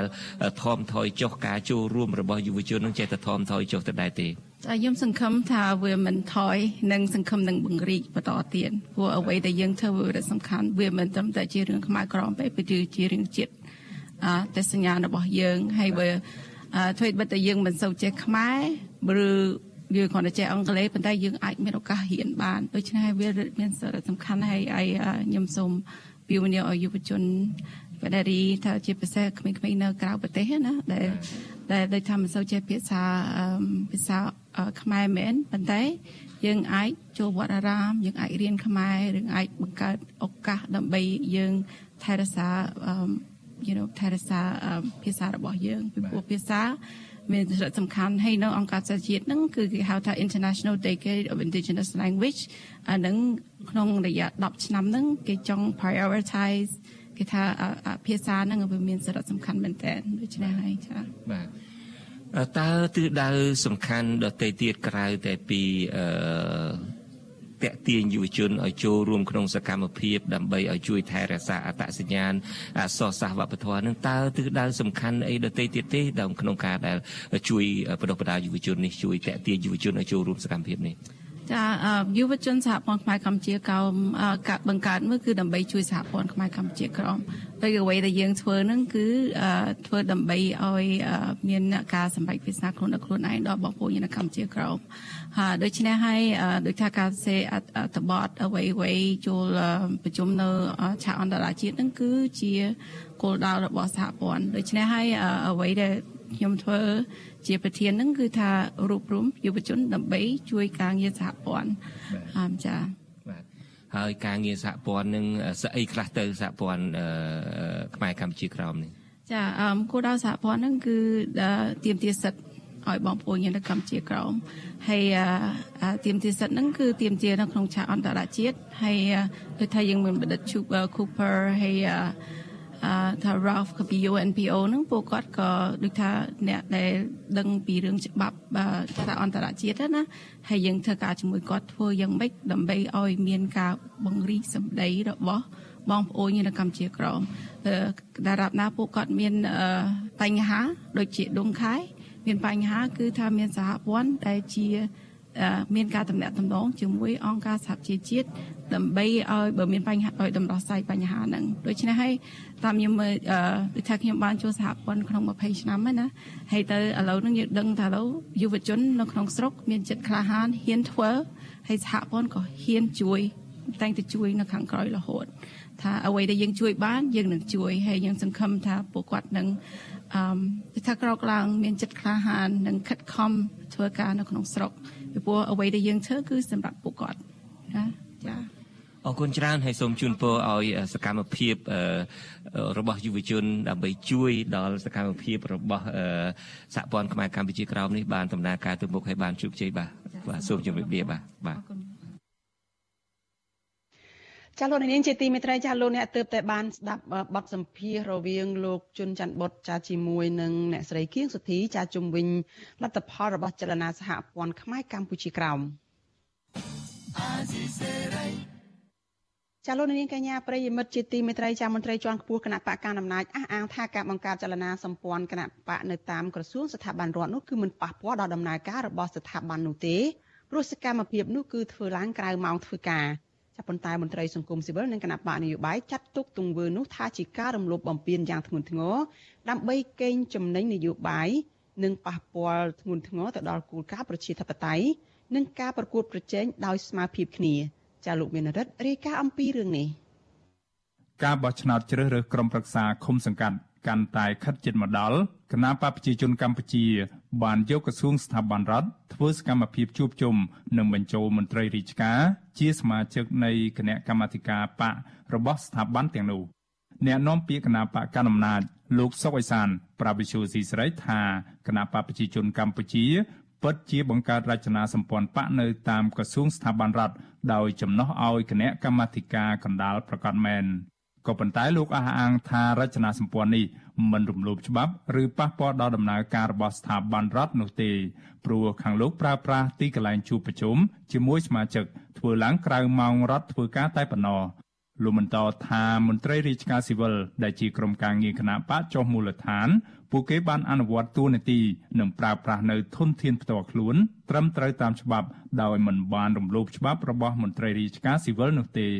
តាមស្ថាប័នរដ្ឋនីមួយនីមួយឬតាមក្រសួងនីមួយមួយគេបង្កើតមានគណៈកម្មការបករបស់ក្រសួងព្រោះរដ្ឋមន្ត្រីគាត់ជាប្រធានបកនៅមូលដ្ឋាននោះណាហើយសាលប្រជុំនឹងក្រៅម៉ោងធ្វើការអត់មានត្រូវការអីពាក់ព័ន្ធជាមួយនឹងការប្រជុំស្នូលការងារក្រសួងទេអញ្ចឹងវាអាចខ្ចីបានប៉ុន្តែវាមានបាច់បត់របស់គេផ្ទៃក្នុងរបស់គេ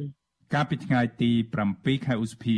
កូនប្រុសរបស់លោកនាយរដ្ឋមន្ត្រីហ៊ុនសែនគឺលោកហ៊ុនម៉ាណែត បានប្រកាសទទួលស្គាល់ការបញ្ចូលសមាជិកសាស្ត្រាចារ្យបុគ្គលិកអប់រំគ្រូនិស្សិតនិងនិស្សិតជិត3000នាក់ជាសមាជិកគណៈបកប្រជាជនកម្ពុជា ទន្ទឹមនឹងនេះមន្ត្រីសង្គមស៊ីវិលនិងគណៈបញ្ញយោបាយមើលឃើញថាស្ថាប័នរដ្ឋភាគច្រើន មានការបង្កើតរចនាសម្ព័ន្ធបកកណ្ដាលអំណាចនៅក្នុងនោះក្រោមឈ្មោះថាជាគណៈកម្មាធិការ ឬក្រុមការងារបកនៃស្ថាប័នទាំងនោះទៀតផងដូចជាគណៈកម្មាធិការគណៈបកប្រជាជនកម្ពុជាប្រចាំក្រសួងសេដ្ឋកិច្ចក្រុមការងារយុវជនគណៈបកប្រជាជនកម្ពុជានៃក្រសួងសាធារណការនិងដឹកជញ្ជូនជាដើមជុំវិញរឿងនេះអ្នកសម្របសម្រួលផ្នែកអង្គការនឹងតស៊ូមតិនៃអង្គការ Confrel លោកកនសវាង មានប្រសាសន៍ថាសង្គមស៊ីវិលសោកស្ដាយជាខ្លាំងចំពោះបកកណ្ដាលអំណាច ដែលយកស្ថាប័ននិងប្រើប្រាស់ធនធានរបស់រដ្ឋទៅធ្វើសកម្មភាពនយោបាយលោកថាករណីនេះទោះបីសកម្មភាពទាំងនោះនៅក្រៅម៉ោងរដ្ឋបាលក៏ដោយក៏ចាត់ទុកថាជាអំពើរំលោភបំពានច្បាប់ និងលំអៀងផ្នែកនយោបាយលោកកនស្វាងជំរុញឲ្យស្ថាប័នពាក់ព័ន្ធត្រូវពិនិត្យខ្លឹមសារច្បាប់ដើម្បីអនុវត្តសកម្មភាពរបស់ខ្លួនឲ្យបានត្រឹមត្រូវឡើងវិញ។ មានស្ថាប័នខ្លះលើកឡើងគ្រប់គ្រងគណៈបកនយោបាយក្នុងនាមជាក្រសួងមួយហើយទៅលើកគ្រប់គ្រងគណៈបកនយោបាយឬក៏បេក្ខជនមួយអាហ្នឹងវាអត់ត្រឹមត្រូវទេហើយវាជាអតិពលសម្រាប់ការអនុវត្តហ្នឹងបាទហើយធ្វើធ្វើឲ្យមន្ត្រីដែលអនុវត្តហ្នឹងវាមានជាកំសោយនៅក្នុងការអនុវត្តពីព្រោះកាលណាក៏លោកយល់ឃើញថាស្រាក់លើអនុវត្តបែបហ្នឹងហើយដាក់ក្រោមវាត្រូវតែគោរពទៅតាមបទបញ្ជាហើយជាទូទៅស្រុកយើង ស្រដៀងគ្នានេះដែរប្រធានសមាគមគ្រូបង្រៀនកម្ពុជាឯករាជ្យអ្នកស្រីអុកឆាយាវីមើលឃើញថាស្របពេលដែលការបោះឆ្នោតជ្រើសរើសក្រុមប្រឹក្សាឃុំសង្កាត់ខិតជិនមកដល់ប្រធានស្ថាប័នរដ្ឋកំពុងប្រើប្រាស់ទីតាំងនិងម៉ោងរបស់រដ្ឋទៅឃោសនាឬគៀងគោមន្ត្រីរាជការនិងសិស្សនិស្សិតឲ្យចូលជាសមាជិករបស់គណៈបកកណ្ដាលអំណាចដើម្បីទាញយកផលប្រយោជន៍នយោបាយ អ្នកស្រីបន្តថាមន្ត្រីរាជការភាគច្រើនចុះឈ្មោះចូលជាសមាជិកបកកណ្ដាលអំណាចដោយបង្ខំចិត្តព្រោះពួកគាត់ព្រួយបារម្ភពីការគំរាមកំហែងការរើសអើងការចោទប្រកាន់និងការលាបពណ៌គ្រប់រូបភាពហើយអ្នកស្រីយល់ថាបញ្ហានេះបាននាំឲ្យស្ថាប័នរដ្ឋកំពុងស្ថិតក្រោមឥទ្ធិពលរបស់អ្នកនយោបាយ ថ្នាក់ដឹកនាំតាមសាលាទោះបីនាយកសាលានាយករងនាយកអីហ្នឹងនៅបោះឆ្នោតនេះកំពុងតែមមាញឹកក្នុងការធ្វើសកម្មភាពឲ្យបាក់តតលេះថាមិនអាមិនប៉ះពាល់ម៉ោងសិក្សាតាមពិតទៅអ្វីទាំងអស់គ្រាន់តែជារូបភាពទេថាអូកុំឲ្យគេចោតប្រកាន់ថាអូសាលារៀនអីមិនអាចនិយាយនយោបាយតាមពិតនៅក្នុងសាលារៀនសប្តាហ៍ថ្ងៃគឺបំពាក់នយោបាយគណៈបកកាន់អំណាចសុទ្ធសាធតែម្ដង ចំណែកអនុប្រធានគណៈបកភ្លើងទៀនលោកថៃសេដ្ឋាវិញលោកថ្លែងថាមន្ត្រីរាជការនិងស្ថាប័នរបស់រដ្ឋគឺបំរើឲ្យផលប្រយោជន៍រួមដោយគ្មានការរើសអើងនិន្នាការនយោបាយនោះឡើយក៏ប៉ុន្តែលោកមើលឃើញថាកន្លងមកនេះគណៈបកកណ្ដាលអំណាចបានត្រួតត្រាក្រសួងស្ថាប័នរដ្ឋនិងមន្ទីរទាំងអស់តាមទំនឹងចិត្តដើម្បីបំរើឲ្យនយោបាយរបស់ខ្លួន លោកចាត់ទុកទង្វើនេះថាគឺជាការប៉ះពាល់ធ្ងន់ធ្ងរដល់គោលការណ៍ប្រជាធិបតេយ្យនិងការប្រកួតប្រជែងដោយស្មើភាពគ្នា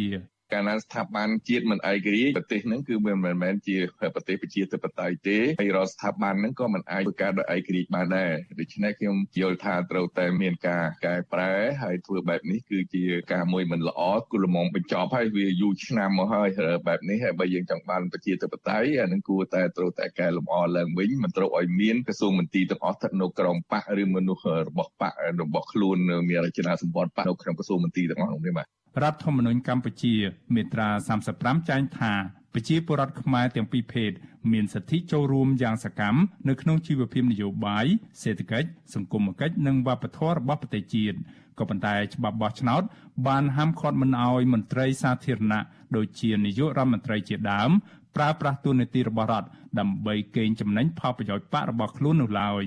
មាត្រា80នៃច្បាប់បោះឆ្នោតជ្រើសតាំងតំណាងរាស្ត្រ បានហាម5ការប្រើប្រាស់ថវិកាសម្ភារៈមធ្យោបាយដឹកជញ្ជូនដែលជាសម្បត្តិរបស់រដ្ឋដើម្បីធ្វើសកម្មភាពឃោសនាការបោះឆ្នោតឲ្យគណៈបកនយោបាយណាមួយឬបេក្ខជនណាម្នាក់កន្លងទៅរដ្ឋមន្ត្រីក្រសួងមហាផ្ទៃលោកសខេងបានណែនាំឲ្យមន្ត្រីរាជការត្រូវអព្យាក្រឹតចំពោះសកម្មភាពបំពេញការងាររបស់ខ្លួន ស្របតាមច្បាប់បទបញ្ជានិងនីតិវិធីសម្រាប់ការបោះឆ្នោតជ្រើសរើសក្រុមប្រឹក្សាឃុំសង្កាត់ លោកសខេងក៏បានណែនាំដល់មន្ត្រីរាជការទាំងអស់មិនត្រូវយកម៉ោងការងាររដ្ឋប្រើប្រាស់ថវិកាសម្ភារៈទីកន្លែងនិងមធ្យោបាយដឹកជញ្ជូនរបស់រដ្ឋដើម្បីបម្រើសកម្មភាពឃោសនាបោះឆ្នោតឲ្យគណៈបញ្ញយោបាយណាមួយឡើយទោះជាច្បាប់ចែងបែបនេះក៏ដោយក៏ជាញឹកញាប់គេសង្កេតឃើញថាគណៈបកប្រជាជនកម្ពុជា បានបង្កើតរចនាសម្ព័ន្ធនៅតាមក្រសួងស្ថាប័នរបស់រដ្ឋ ហើយរដ្ឋមន្ត្រីរដ្ឋាភិបាលមួយចំនួន បានប្រើប្រាស់ធនធានម៉ោងការងាររដ្ឋនិងទីតាំងអគាររដ្ឋដើម្បីធ្វើនយោបាយឲ្យគណៈបកកណ្ដាលអំណាចពួកគេថាការដែលគណៈបណ្ឌនយោបាយទៅជ្រកក្រោមស្លាកស្ថាប័នរដ្ឋគឺជាការរំលោភច្បាប់ប៉ះពាល់ដល់ផលប្រយោជន៍របស់ពលរដ្ឋខ្ញុំបានមេរិត Visual C ស្រីរាយការណ៍ពីរដ្ឋធានី Washington ចាលោកនាងជាទីមេត្រីចាលោកអ្នកកំពុងតែតាមដានការផ្សាយរបស់វិទ្យុអាស៊ីសេរីចាប់ផ្សាយចេញពីរដ្ឋធានី Washington សហរដ្ឋអាមេរិកចាអ្នកខ្លំមើលកម្ពុជានិងមន្ត្រីគណៈបកសង្គ្រោះជាតិរិះគន់រដ្ឋាភិបាលដែលបន្តសង់វិមានឈ្នះឈ្នះនៅឯខេត្តបៃលិនថាជាការដឹងគុណដល់វៀតណាមដែលបានលើកបន្ទប់លោកហ៊ុនសែនធ្វើជានាយករដ្ឋមន្ត្រីតែ ដែលមិនមានប្រយោជន៍អ្វីទៅដល់ប្រជាពលរដ្ឋខ្មែរឡើយចាប្រតិកម្មនេះធ្វើឡើងក្រោយពីរដ្ឋមន្ត្រីក្រសួងការពិជាតិគឺលោកទាបាញ់បើកការដ្ឋានសាងសង់ស្ទូបអនុស្សាវរីយ៍វិមានឈ្នះឈ្នះនៅក្នុងទឹកដីខេត្តបៃលិននៅថ្ងៃអាទិត្យទី8ខែឧសភាចាអ្នកខ្លំមើលនៅមន្ត្រីគណៈបកសង្គ្រោះជាតិរិះគន់ថាការសាងសង់វិមានឈ្នះឈ្នះរបស់រដ្ឋាភិបាលដែលសាងសង់ស្ទើរគ្រប់ខេត្តក្រុងនៅទូទាំងប្រទេសកម្ពុជា ថាជាការខ្ជះខ្ជាយថវិកាជាតិដែលឥតប្រយោជន៍ ព្រោះมันមានប្រយោជន៍អ្វីដល់ប្រជាពលរដ្ឋខ្មែរនិងសង្គមជាតិឡើយមន្ត្រីគណៈបកសង្គ្រោះជាតិគឺលោកអ៊ុំសំអានថ្លែងថារបបលោកហ៊ុនសែនគួរតែសាងសង់ដូចជារូបសំណាករបស់ព្រះបាទជ័យវរ្ម័នទី7ឬព្រះមហាក្សត្រខ្មែរឬវីរៈបរោះខ្មែរដែលស្នេហាជាតិការពារទឹកដីល្អប្រសើរជាងបង្កើតវិមានឈ្នះឈ្នះដែរចាលោកបញ្ជាក់ថាការដែលរដ្ឋាភិបាលសាងសង់ស្ទូបអនុស្សាវរីយ៍បែបនេះ គឺជាការដឹងគុណវៀតណាមដែលលើកបន្ទប់ក្រុមលោកហ៊ុនសែនឲ្យដឹកនាំកម្ពុជារហូតមកដល់ពេលសប្តាហ៍ថ្ងៃនេះ។ ឈ្នះតែក្រុមគូសាលោកហ៊ុនសែននិងបកពួករបស់គាត់ហើយវាមានឈ្នះឈ្នះហ្នឹងមិនមានសម្រាប់ខ្មែរទាំងអស់ជាអ្នកឈ្នះនោះទេហើយវាមានឈ្នះឈ្នះផងដែរក៏ជាការរំលឹកដឹងគុណទៅដល់វៀតណាមនោះទេហើយយ៉ាងហ្នឹងហើយវៀតណាមបានឈ្នះពៀនទឹកដីខ្មែរយើងយកទឹកដីខ្មែរយកតាមព្រំដែនយកកម្ពុជាក្រោមហើយអញ្ចឹងយើងដឹងគុណវៀតណាមមិនចេះចប់មិនចេះហើយគឺធ្វើឲ្យទឹកដីយើងកាន់តែរួនទៅរួនទៅហើយយើងឃើញជាក់ស្ដែងក្នុងក្នុងពេលកន្លងមកនេះនៅក្នុងប្រវត្តិសាស្ត្ររបស់ខ្មែរយើង ចាប្រតិកម្មរបស់មន្ត្រីគណៈបកសង្គ្រោះជាតិបែបនេះធ្វើឡើងក្រោយពេលរដ្ឋមន្ត្រីក្រសួងការពិជាតិគឺលោកទីបាញ់បានបើកការដ្ឋានសាងសង់ស្ទូបអនុស្សាវរីយ៍វិមានឈ្នះឈ្នះនៅខេត្តបៃលិន នៅព្រឹកថ្ងៃទី8ខែឧសភាចាវិទ្យុអាស៊ីសេរីមិនអាចតាក់ទងរដ្ឋមន្ត្រីការបរក្រសួងការពិជាតិគឺលោកទីបាញ់ដើម្បីសូមអត្ថាធិប្បាយជុំវិញការសាងសង់វិមានឈ្នះឈ្នះនេះបានទេ នៅថ្ងៃទី8ខែឧសភា ដោយទូរស័ព្ទចូលពុំមានអ្នកទទួលប៉ុន្តែលោកទាបាញ់បានបង្ហាញនៅក្នុង Facebook របស់លោកនៅរសៀលថ្ងៃទី8ខែឧសភាថាពិធីបើកការដ្ឋានសាងសង់ស្ទូបឈ្នះឈ្នះនៅប៉ៃលិនបានចាប់ផ្ដើមដំណើរការជាផ្លូវការហើយដោយមានការចូលរួមអបអរសាទរពីសំណាក់មន្ត្រីរាជការកងកម្លាំងប្រដាប់អាវុធនិងប្រជាជនជាង2000នាក់ចាស់កន្លងមកលោកហ៊ុនសែនអះអាងថានយោបាយឈ្នះឈ្នះគឺជាគោលដៅធ្វើឲ្យរំលាយអង្គការចាត់តាំងរបស់ខ្មែរក្រហម និងជានយោបាយគ្មានអ្នកឈ្នះគ្មានអ្នកចាញ់ដែលលោកហ៊ុនសែនបានបង្កើតឡើងនៅក្នុងឆ្នាំ1994ក្រោយពីមានកិច្ចព្រមព្រៀងសន្តិភាពទីក្រុងប៉ារីសនៅក្នុងឆ្នាំ1991ចំពោះនយោបាយនៃនយោបាយឈ្នះឈ្នះវិញក៏បានចែងពីខ្លឹមសារល្អដែលជាការកំណត់យុទ្ធសាស្ត្រសម្រាប់បញ្ចប់សង្គ្រាមផ្ទៃក្នុងនិងជាការស្វែងរកសន្តិភាពសម្រាប់កម្ពុជាទាំងមូលនៅក្នុងការបង្កើតឲ្យមានជំនឿចិត្តលើគ្នាទៅវិញទៅមកពលគឺឲ្យខ្មែរគ្រប់ភាគី ត្រូវទទួលស្គាល់ថានៅក្នុងការធ្វើសង្គ្រាមបំផ្លិចបំផ្លាញប្រកាសជាមិនមានអ្នកឈ្នះនោះទេហើយការចងអាគាតព្យាបាទគ្នាអាចនាំមកនៅក៏មិនអាចនាំមកនៅសុខសន្តិភាពជូនប្រជាពលរដ្ឋនិងប្រទេសជាតិនោះបានដែរចាស់ទោះជាយ៉ាងណា អ្នកខ្លាំមើលកម្ពុជាលោករងឈុនអះអាងថាការសង់ស្ទូបអនុស្សាវរីយ៍របស់រដ្ឋាភិបាលនេះគឺជាការកេងចំណេញនយោបាយប្រជាពិធដ្ឋដើម្បីស្វែងរកការគ្រប់គ្រងសម្រាប់គណៈបកកាន់អំណាច ហើយផ្សព្វផ្សាយទៅដល់ប្រជាពលរដ្ឋចាលោកបន្តថាលោកបន្តថាពាក្យឈ្នះឈ្នះមានអត្ថន័យច្រើនយ៉ាងថាតើឈ្នះទៅលើអ្វីទៅលើការឈ្លានពានពីបរទេសឬក៏ទៅលើគោលបំណងអ្វីមួយ។ កម្ពុជាយើងយើងចង់បានឲ្យវាមានការគោរពសិទ្ធិមនុស្សមានលទ្ធិប្រជាធិបតេយ្យហើយមានការបោះឆ្នោតដោយសេរីត្រឹមត្រូវនិងយុត្តិធម៌យើងមិនត្រូវធ្វើបាបឬមួយធ្វើទុកបុកម្នេញទៅលើដៃគូរបស់យើងទេប៉ុន្តែកន្លងមកហ្នឹងយើងឃើញតែងតែថាមានការរំលាយគណៈបកសង្គ្រោះជាតិចាប់អ្នកនយោបាយដាក់ពន្ធនាគារហើយនឹងសកម្មជនអីជាបន្តបន្តនឹង ចាលោករងឈុនបន្តថាការប្រកួតប្រជែងឈ្នះចាញ់ដោយសារតែការប្រើប្រាស់កម្លាំងនយោបាយនិងប្រើប្រាស់ប្រព័ន្ធច្បាប់យកមកបង្ក្រាបដៃគូហើយចាត់ទុកថាជាការឈ្នះនោះហើយចាត់ទុកថាគឺជាការឈ្នះនោះទេគឺគ្រាន់តែឈ្នះបុគ្គលមួយចំនួនតូចតែប៉ុណ្ណោះហើយសម្រាប់ជាតិទាំងមូលវិញគឺមិនមែនជារឿងឈ្នះនោះទេ វាជារឿងចាញ់ទៅវិញទេពីព្រោះធ្វើឲ្យពលរដ្ឋរងទុក្ខលំបាកសពបែបយ៉ាងហើយគេក៏ថ្កោលទោសទៅលើអ្នកកាន់អំណាចដែរ ចាក់កន្លងមកប្រទេសកម្ពុជាធ្លាប់ទទួលរងការរិះគន់ច្រើនពាក់ព័ន្ធនឹងការសាងសង់វិមានឈ្នះឈ្នះនេះចាវិមានឈ្នះឈ្នះនេះត្រូវបានគណៈបកប្រជាជនកម្ពុជារួមទាំងមេដឹកនាំទីក្រុងភ្នំពេញគឺលោកហ៊ុនសែនផង មានមោទនភាពខ្លាំងបំផុតដែលបានសាងសង់វិមាននេះឡើងនៅក្នុងសម័យរបស់លោកថាជានិមិត្តរូបនៃសន្តិភាពក្រោយពីបានផ្ដួលរំលំរបបខ្មែរក្រហមបានដោយជោគជ័យចាអ្នកវិភាគលើកឡើងថាការសាងសង់វិមានឈ្នះឈ្នះនេះ គឺជាការចង់បង្ហាញឲ្យពលរដ្ឋនិងសហគមន៍អន្តរជាតិមើលឃើញពីស្នាដៃរបស់គណៈបកកាន់អំណាចដឹកនាំប្រទេសទទួលបានជ័យជំនះពីពីដំណាក់កាលមួយទៅដំណាក់កាលមួយក្រោមរូបភាពគោលនយោបាយឈ្នះឈ្នះរបស់លោកហ៊ុនសែនដែលជាស្នាដៃមួយដល់អាក្រក់សម្រាប់បន្សល់ទុកឲ្យក្មេងចំនួនក្រោយអ្វីត្បិតតែនយោបាយឈ្នះឈ្នះនេះបានចែងពីខ្មែរគ្រប់ភាគីថាឈ្នះទាំងអស់គ្នាក្តី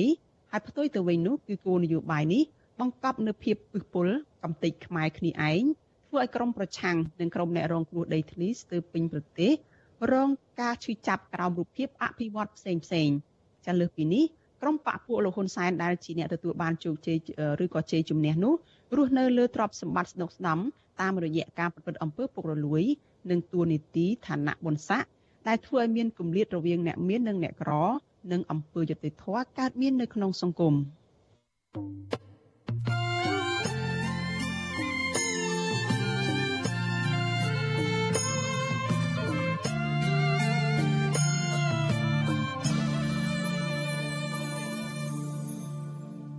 ចាលោកនាងកញ្ញាប្រិយមិត្តជាទីមេត្រីចាសេចក្តីរាយការណ៍ពីភាគពាយ័ព្យប្រទេសឯនោះឲ្យដឹងថា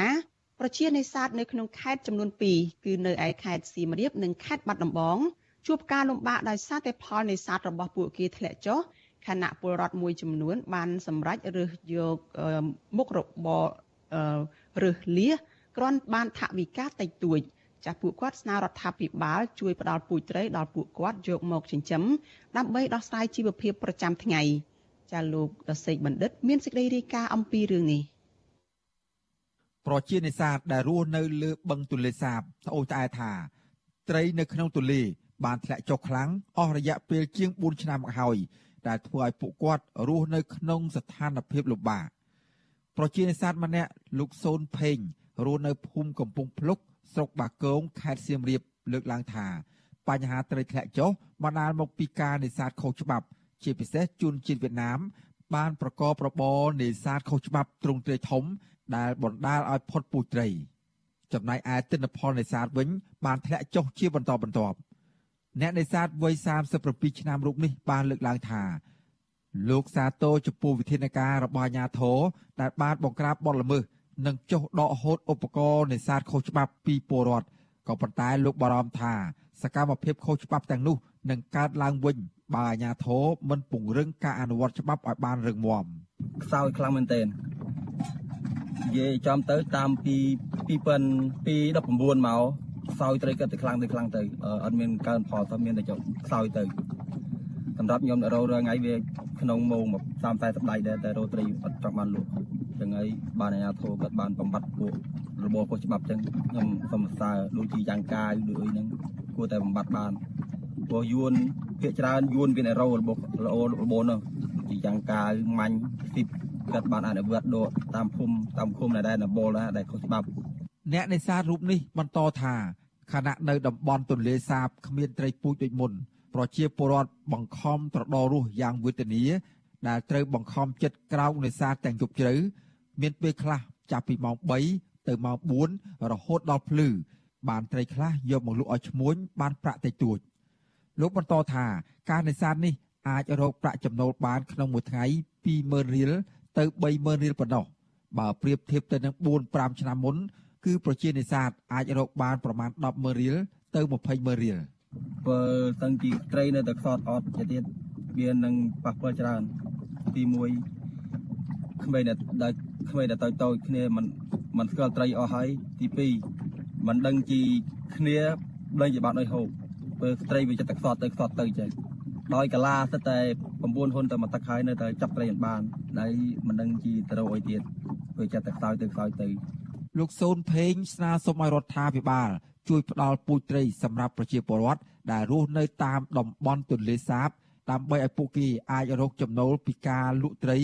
សម្រាប់ផ្គត់ផ្គង់ជីវភាពគ្រួសារប្រចាំថ្ងៃស្របពេលដែលត្រីនៅតំបន់ទន្លេសាបមិនអាចនេសាទបានដូចមុនលោកបន្តថាវាជារឿងល្អដែលរដ្ឋាភិបាលបានយកចិត្តទុកដាក់ក្នុងការទប់ស្កាត់បទល្មើសនេសាទខុសច្បាប់ប៉ុន្តែបើរដ្ឋាភិបាលគិតដល់ការផ្ដល់ជំនាញបច្ចេកទេសណាមួយដល់ប្រជានេសាទ គឺរឹតតែល្អថែមទៀតតែត្រីទលេខ្សក់ខ្សោយអញ្ចឹងបើសិនជារដ្ឋាភិបាលគិតជួយជីត្រីជីសាច់អីមកឲ្យប្រជាពលរដ្ឋគិតចិញ្ចឹមខ្ញុំសូមគាំទ្រដោយសារអីព្រោះទលេយើងពងតែខ្សត់ត្រីបើសិនជាគិតដាក់អញ្ចឹងមកនៅនោះនឹងជាដូចជាប្រាក់អន្សំយើងមួយក្នុងក្នុងគ្រួសារដែរស្រដៀងគ្នានេះដែរប្រជានេសាទម្នាក់ទៀតរស់នៅខេត្តបាត់ដំបងលោកសយហៀបរៀបរាប់ថាស្របពេលរកចំណូលពីរបរនេសាទត្រីមិនបានដូចមុន ធ្វើឲ្យការផ្គត់ផ្គង់ជីវភាពគ្រួសារកាន់តែលំបាកលោកសយហៀបរស់នៅភូមិបាក់ព្រាឃុំព្រៃចាស់ស្រុកឯកភ្នំឲ្យដឹងថា ប្រជានេសាទភ ieck ច្រើននាពេលបច្ចុប្បន្នមិនអាចនេសាទត្រីបាន ពួកគេត្រូវបង្ខំចិត្តមករាវលៀសដើម្បីបានថវិកាតិចតួចគ្រាន់ដោះស្រាយបញ្ហាជីវភាព ក្នុងមួយថ្ងៃយើងរੂបើយើងរੂមិនសូវយើងខំណាស់ណាបានត្រឹម5រៀលទេណាឬមួយក៏អាចឈានដល់ប្រហែល30000 បើយើងប្រឹងប្រឹងមែនទែនត្រឹមគ្នា3នាក់អាចដល់ត្រឹម100,000នេះអាចបានគ្រប់គ្រាន់ដែរដូចជាហៅថាយើងយើងទប់ថ្លៃម្ហូបហាហូបចុកណាហើយនឹងការចំណាយកូនសិក្សាជាដើមប្រជានេសាទវ័យ35ឆ្នាំរូបនេះលើកឡើងបន្តថាលោកមានការសោកស្ដាយពីព្រោះជាច្រើនឆ្នាំមកនេះអាជ្ញាធរមិនបានចាត់វិធានការឲ្យតឹងរឹងចំពោះបទល្មើសនេសាទ ដែលជាហេតុធ្វើឲ្យត្រីនៅតំបន់ទន្លេសាបបច្ចុប្បន្នស្ថិតនៅក្នុងការប្រកាសអាសន្នលោកបន្តថាវិធានការរបស់អាជ្ញាធរពីរនេះអាចត្រូវការពេលវេលាយូរទម្រាំមានត្រីដូចដើមដូច្នេះប្រជាពលរដ្ឋមួយចំនួន ដែលគ្មានជីវភាពក្រៅពីការនេសាទនោះនឹងជួបផលលំបាកកាន់តែខ្លាំងហើយអត្រានៃអ្នកចំណាកស្រុកក៏កាន់តែកើនឡើងដែរ ធ្វើឲ្យអ្នករស់នៅតាមដងស្ទឹងភាគច្រើនរោត្រីបានមានការចំណាកស្រុកទៅរស់ស៊ីតាមតំបន់ទឹកខេត្តផ្សេងៗហ្នឹងណានៅក្នុងប្រទេសយើងឬឬមួយក៏អាចថាទៅដល់ក្រៅប្រទេសក៏អាចថាបានតែជាលក្ខណៈគ្រួសារបាទចំណែកអ្នកស្រីយឹមពឿនជាអ្នកនេសាទជាង40ឆ្នាំមកហើយរស់នៅភូមិគោកក្ដុលស្រុកបាគងខេត្តសៀមរាបបានលើកឡើងថា បញ្ហាខ្សត់ត្រីនេះដោយសារតែការនេសាទខុសច្បាប់ ក្នុងនោះមានជនជាតិវៀតណាមជាដើម ដែលប្រើឧបករណ៍ធំធំ ដូចជាយ៉ាងកាវជាឧបករណ៍នេសាទនៅលើកាណូតដោយក្នុងមួយយប់ពួកគេអាចរកចំណូលបានរាប់លានរៀលហើយឧបករណ៍ទាំងនោះអាចចាប់ត្រីបានទាំងតូចទាំងធំមួយថ្ងៃរកបាន4 5 6ម៉ឺនដូចតែថាអត់ទាន់មានយ៉ាងកាវដល់មកធ្លាក់មានយ៉ាងកាវមកធ្លាក់អញ្ចឹង20000ទៅ30000ទៅមកពី អាយ៉ាងកាវបើសិនតែយើងបិទអាយ៉ាងកាវវាទៅឆ្នាំក្រោយគឺអាចបានរកបានគ្រាន់អត់តែបិទចិត្តបានប៉ុណ្ណេះខ្លាចបិទមិនចិត្តអាយ៉ាងកាវនោះយ៉ាងកាវវាកណូតធំណារោស៊ីរបក្នុងមួយយប់ក៏ឡើងពីបិលាននៅនោះអ្នកស្រីសាសូមអាជ្ញាធរពង្រឹងការអនុវត្តច្បាប់ឲ្យបានតឹងរឹងចំពោះជនជាតិវៀតណាមនិងជួយផ្ដល់ពូជត្រី ព្រមទាំងបណ្ដុះបណ្ដាលប្រជាពលរដ្ឋខ្មែរពីជំនាញបច្ចេកទេសមួយចំនួនដូចជាការចិញ្ចឹមត្រី ការធ្វើកសិកម្មជាដើមដើម្បីអាចរកចំណូលបានផ្សេងក្រៅពីការនេសាទព្រោះបច្ចុប្បន្នពួកគាត់ជួបការលំបាកមិនដឹងជារកអ្វីសម្រាប់ផ្គត់ផ្គង់ជីវភាពឡើយឆ្លើយតបនឹងបញ្ហាទាំងនេះប្រធានរាជបណ្ឌិតសភាកម្ពុជា លោកសុកទូចដែលតែងតែចុះស្រាវជ្រាវ និងបង្ក្រាបបទល្មើសនៅតាមតំបន់ទន្លេសាបបានលើកឡើងថា លោកមិនមានកាតព្វកិច្ចនៅក្នុងការផ្ដល់ជំនាញឬពូជត្រីនោះទេប៉ុន្តែអ្វីដែលលោកអាចធ្វើទៅបាននោះគឺលោកបំបត្តិបទល្មើសនេសាទនៅតាមតំបន់ទន្លេសាបលោកបន្តថាមួយរយៈពេលនេះឃើញថាបទល្មើសនេសាទធ្លាក់ចុះខ្លាំងបើទោះបីជាមានបទល្មើសខ្លះបានចូលទៅលួចនេសាទពេលយប់ក៏ដោយយើងនឹងតាមដាននៅរដូវប្រាំងទៀតថាតើកាប់រៀនដីឬក៏អត់បើកាប់ព្រៃឈើទៀតទោះបីជាយើងមិននេសាទក៏វាអត់ ចម្រោកអត់ចំណីក៏វាអាចរស់បានដែរហើយមួយទៀតគឺការយកខ្ចៅឲ្យមានកំណត់ខ្ចៅលៀសហ្នឹងឲ្យមានកំណត់បើយើងយកមួយថ្ងៃ20 30តោនហ្នឹងក៏វានឹងអត់មានចំណីឲ្យត្រីដែរអាត្រីដែលស៊ីប្រភេទពិសេសត្រីលំអិលហ្នឹងជុំវិញការលើកឡើងនេះសកម្មជនបរិស្ថានដែលតែងតែរិះគន់ចំចំលើបញ្ហាបរិស្ថានដូចជាការបង្ហូរទឹកស្អុយចូលទន្លេនិងការលុបបង្កប៉ះពាល់ធម្មជាតិរហូតដល់មានការចាប់ដាក់ពន្ធនាគារចំនួន14ខែ7ថ្ងៃ នៅមជ្ឈមណ្ឌលអប់រំកែប្រែប្រៃសហើយដែលទើបនឹងបានមានសេរីភាពថ្មីថ្មីនេះគឺកញ្ញាលងគុន្ធា បានចុះទៅអង្កេតដោយផ្ទាល់លើកឡើងថាកញ្ញាមានការសោកស្ដាយនៅពេលដែលឮប្រជាពលរដ្ឋត្អូញត្អែជុំវិញការនេសាទត្រីធ្លាក់ចុះកញ្ញាសង្ឃឹមថាអាជ្ញាធរនឹងពង្រឹងការអនុវត្តច្បាប់ឲ្យបានតឹងរឹងចំពោះបទល្មើសនេសាទ និងលុបបំបាត់បញ្ហាអំពើពុករលួយរយៈពេលចុងក្រោយនេះយើងឃើញថាអាជ្ញាធរក៏ចាប់ផ្ដើមមានចំណាត់ការទៅទៅនឹងការទប់ស្កាត់បទល្មើសអាការនេសាទខុសច្បាប់ឬក៏ការកាប់បំផ្លាញព្រៃឈើអីការកាប់ការកាប់បំផ្លាញព្រៃឈើលិចទឹកអីទាំងអស់ហ្នឹងអញ្ចឹងខ្ញុំឃើញថាបើសិនជាអាជ្ញាធរគាត់ចាប់ផ្ដើមអនុវត្តអាហ្នឹងគុំលក្ខណៈថាគ្រាន់តែមួយឆាយនៅពេលដែលមានបញ្ជាពីថ្នាក់លើមកបានគាត់អនុវត្តតែគាត់ បានបើសិនជាគាត់ព្យាយាមនៅក្នុងការអនុវត្តបញ្ហាទាំងអស់ហ្នឹងខ្ញុំជឿថាគាត់ប្រកាសជាអាចធ្វើវាបានហើយក៏នៅតែលើកទឹកចិត្តឲ្យពួកគាត់នៅតែបន្តការងាររបស់ពួកគាត់នៅក្នុងការទប់ស្កាត់បទល្មើសរបាយការណ៍របស់គណៈកម្មការអន្តរក្រសួងឲ្យដឹងកាលពីថ្ងៃទី2ខែឧសភាថាការបង្ក្រាបបទល្មើសនេសាទខុសច្បាប់នៅបឹងទន្លេសាបក្នុងរយៈពេល2ខែគឺចាប់ពីថ្ងៃទី2ខែមីនាដល់ថ្ងៃទី1ខែឧសភាឆ្នាំ2022 អាជ្ញាធរពាក់ព័ន្ធបានបញ្ជូនសំណុំរឿងទៅតុលាការបានចំនួន44ករណីក្នុងចំណោមជនសង្ស័យចំនួន45នាក់ខណៈជនសង្ស័យចំនួន24នាក់ត្រូវបានឃុំខ្លួនមនុស្ស20នាក់ត្រូវបានតុលាការចេញដីកាកោះហៅនិងមនុស្សចំនួន4326នាក់ត្រូវបានអាជ្ញាធរហៅមកអប់រំចំណែកសង្គមស៊ីវិលស្នើសុំឲ្យអាជ្ញាធរអនុវត្តច្បាប់ឲ្យមានតម្លាភាពក្នុងការដកហូត និងបង្ក្រាបបទល្មើសទាំងអ្នកមានអំណាច រួមនឹងពលរដ្ឋធម្មតាផងខ្ញុំបាទសេកបណ្ឌិតវិទ្យុអាស៊ីសេរីពីរដ្ឋធានីវ៉ាស៊ីនតោន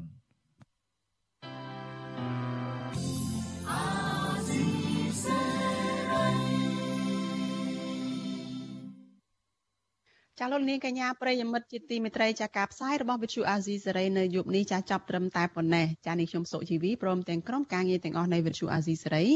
ចាសូមជូនពរដល់លោកនាងកញ្ញានិងក្រុមគ្រួសារទាំងអស់ចាឲ្យជួបប្រកបតែនឹងសេចក្តីសុខចាចម្រើនរុងរឿងកុំបីឃ្លៀងឃ្លាតឡើយចានេះខ្ញុំសូមអរគុណនិងសូមជម្រាបលា thank you